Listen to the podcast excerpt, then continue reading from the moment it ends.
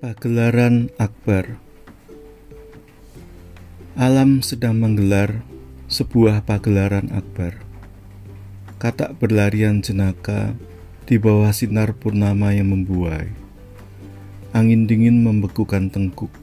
Suara gemericik air mengalir, mengalun dan menghanyutkan. Suara cengkrik yang lantang menghentak sisa malam.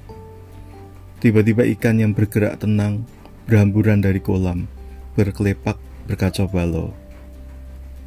Ada sebuah meriam lepas dari sarangnya. Tembakannya membahana, menggelegar, menggetar sekeras getar cuping. Kemudian alam kembali tenang. Masih dengan rintihan perlahan, perlahan. Gesekan ilalang liar seakan berbisik-bisik, nyaris tak terdengar. Begitu tenang. Kemudian muncul bola api membakar, menyalakan malam yang tenang, menjadi pesta yang membahana. Setiap unsur berbunyi nyaring, dengan kecepatan pukulan yang penghabisan. Dan ketika sudah diakhiri ketukan yang terakhir, masih terus terasa kerinduan akan alunan dan dentumannya. Terinspirasi dari N. Klein Mozart.